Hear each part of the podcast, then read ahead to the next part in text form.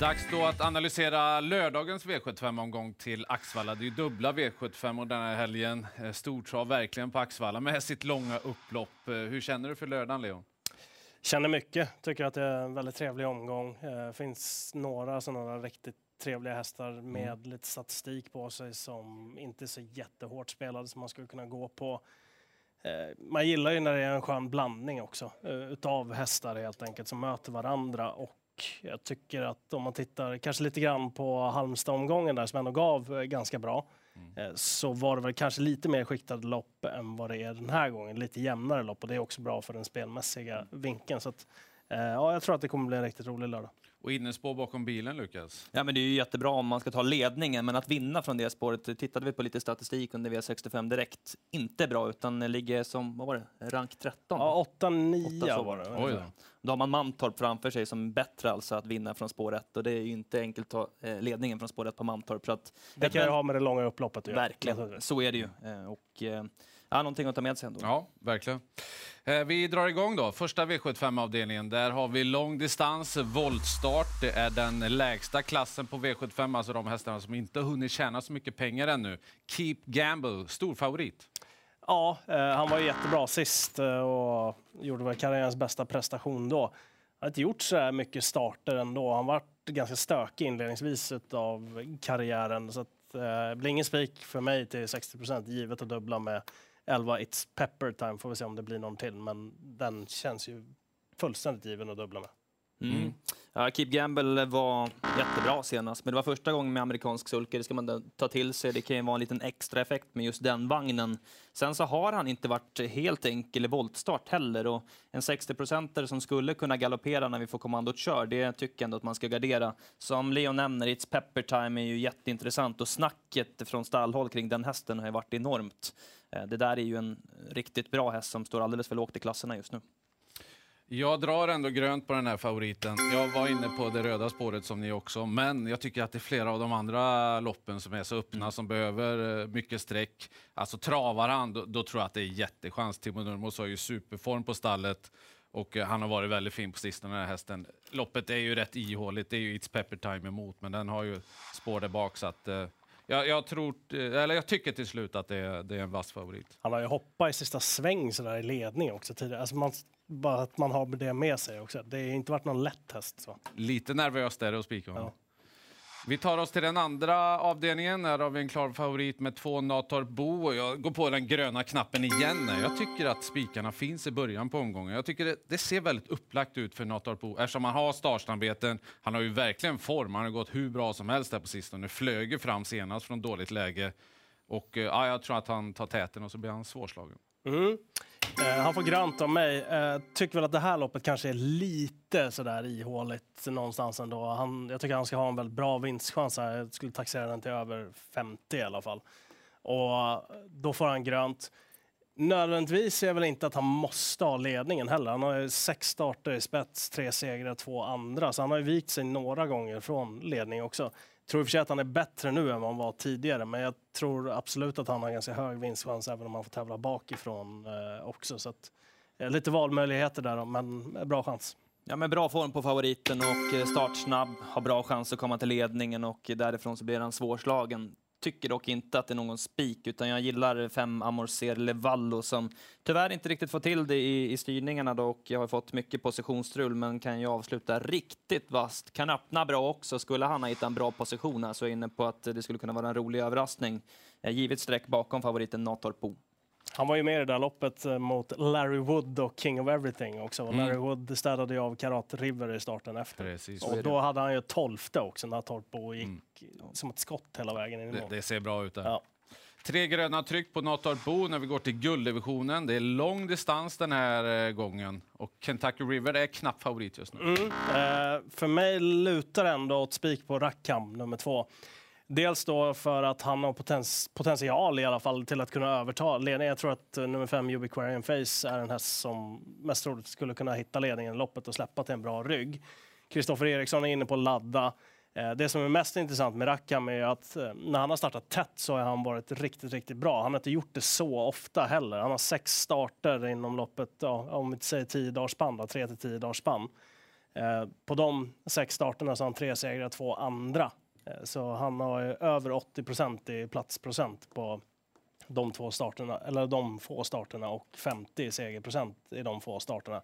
Och då ska man också baka in att några av de där loppen var bland annat Halmstadloppet i fjol där han vann på 11 och 2 med ja, en ruskig avslutning. Mm.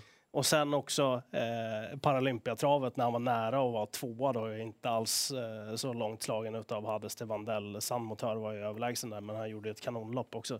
Så när han har startat tätt, då har han varit riktigt, riktigt bra. Vi hade med oss Kristoffer Eriksson på det tåget också, så han ser ut att vara lite matchad åt det här mm. hållet. Sen är det toppspår, toppdistans, plus att Kristoffer tycker själv att han kan öppna bättre än vad folk tror också.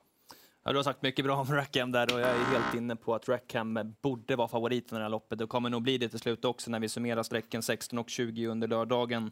Eh, vill dock nämna att Kentucky River inte är någon tokig häst. Han var ändå tvåa ifrån utvändigt om ledaren i Harpers Hanover och var väldigt bra då i nederlaget. Så följer med flaggan i topp, helt klart. Inte helt eh, givet heller att Rackham kommer till spets, men har nog bra chans även från köpositionen. Sex emoji, eh, när han funkar så är han väldigt startsnabb, men eh, första sträcka är helt klart Rackham. Mm. Ja, jag är också förvånad att han inte är favoritracken. Det borde han ju vara med, med det läget. Då är formen nu som Leon beskrev där med de mm. täta starterna och allting, då är det ju jättechans. Uh, så att, uh, ja, det, det, är ju ingen snack om att han borde vara favorit, kommer nog bli det också. Jag har en idiotskräll här också. Tre Dexter Chateau. Alltså, senast, det var ju en helt konstig uppgift, det var kort distans, var på Arvika 800 meters bana. Vi vet ingenting om den hästen egentligen. Alltså, vi vet att han kan mycket en bit, en bit bak i tiden. Mm. Han såg bra ut sist. Han gjorde ju det. Ja. Och han hade amerikansk vagn på sig, funkade jättebra med den.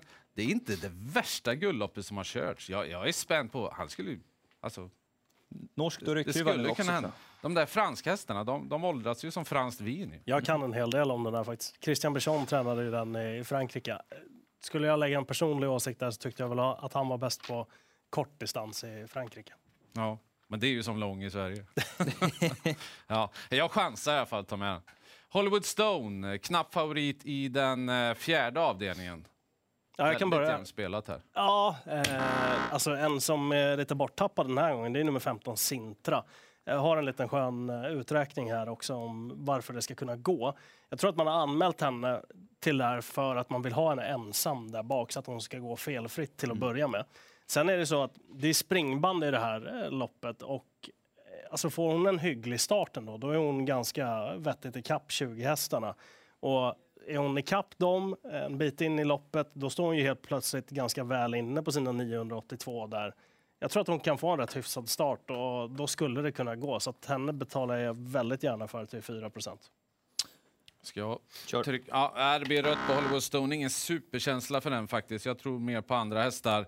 Eh, sju Dionoso Degli Day, om den bara trampar iväg, den känns ju väldigt bra för klassen den hästen. Eh, och sen ett Summer Razz tyckte jag var riktigt fin. Eh, Visby senast, okej okay, det är tuffare emot nu naturligtvis, men jag tror att den hästen har betydligt mer i sig också. Och kan trampa iväg rätt bra när den trampar rätt, så att det borde bli ett bra lopp. Kanske till och med ledningen, inte omöjligt. Ja, rött för mig också på favoriten. En grej som jag älskar med de här lärlingsloppen, det är ju bra kuskar som står med springspår på startvolten och det gör Elias Strandberg med Smileys. Eh, Smileys följer stilen senast, då var man ute mot Keep Gamble, men är väldigt startsnabb. Jag tror att man spetsar med Smileys och sen släpper till favoriten.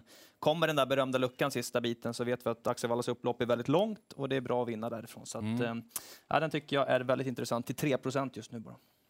Är det någon som inte vet vad springband är och ska förklara det, det är att de hästarna som inte har springspår har längre anlopp också. Och det kan göra att de kommer upp i fart mycket lättare också på vardera volt också. Så även Sintra har det som står längst bak. Just det. Sen har vi autostart i den femte avdelningen. Ivanka Amok är eh, storfavorit med Magnus Djuse. Nurmo som tränar.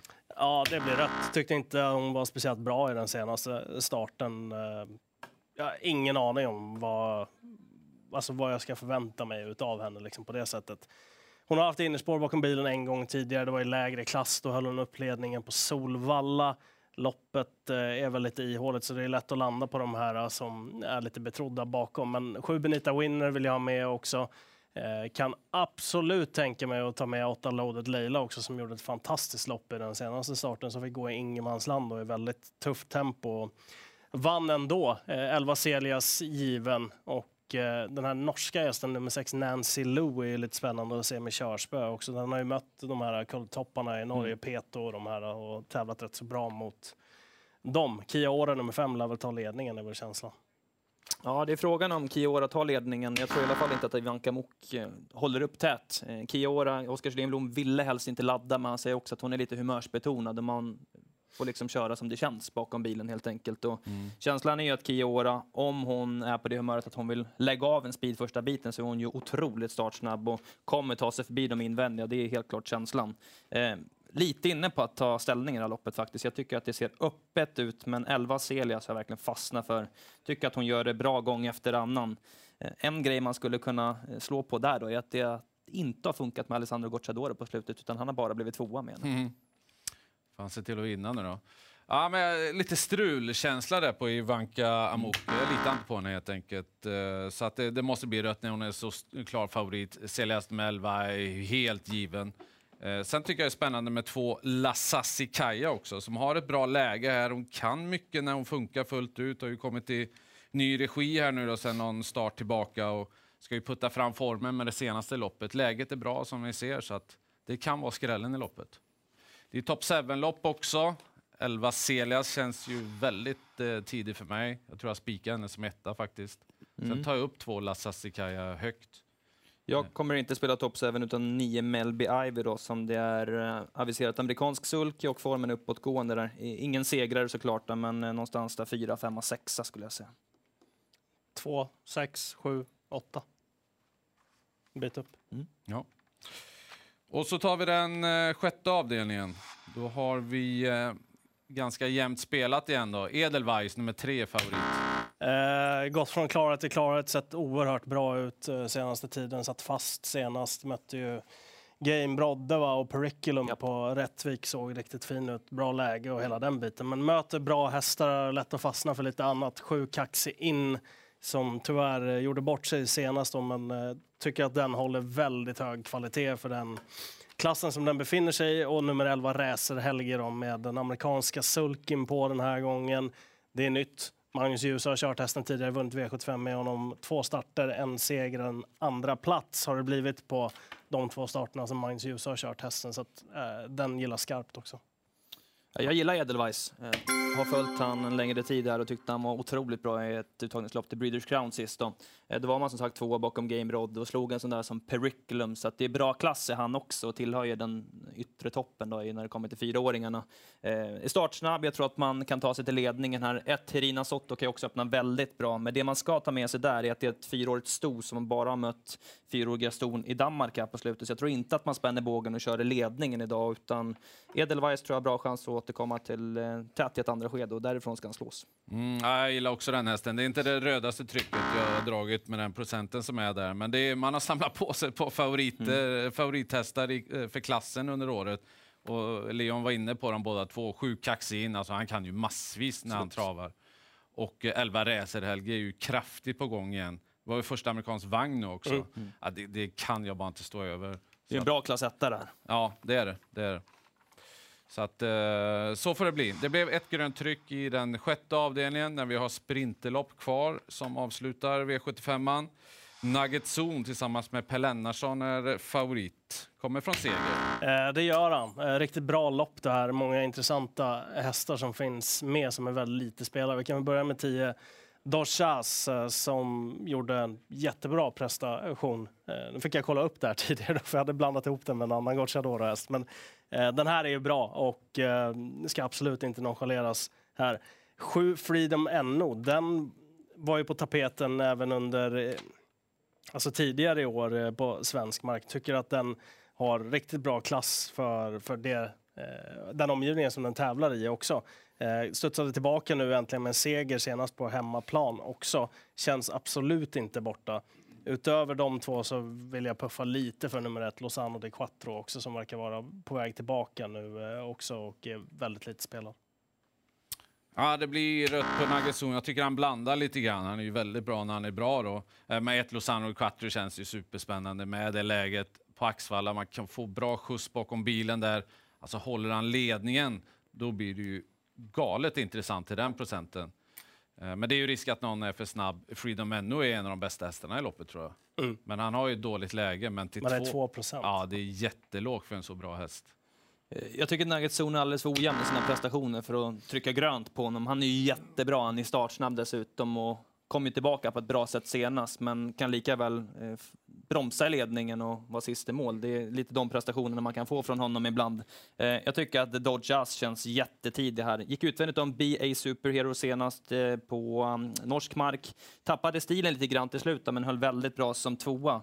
Ska sägas att sex The Winner Take It All satt i rygg då på BA Superhero. Kunde inte svara ut en sån där som Dodge Us, trots att man fick gå i rygg på ledaren. Så att jag tror att Dodge Us är bästa hästen i det sista loppet. Och, eh, skulle kunna vara en fräck spik också då, ifall man vill avsluta med det. Lite långt med starterna bara. Löser Ja. ändå. Ja, ja, det kan jag göra. Så då, då var vi färdiga med den här omgången. Sammanfattningsdags. Nator Bo, den enda vassa favoriten. Bästa spiken för Leon och Lukas. Rackham, nummer två i Ja. avdelning tre. Rackham tycker jag är jätteintressant. Eh, Och eh, Celias är jag intresserad utav också. Häst nummer 11 i avdelning nummer 5. Bra! Lycka till med ert V75-spel. Lördag 16.20 startar det alltså. Lycka till!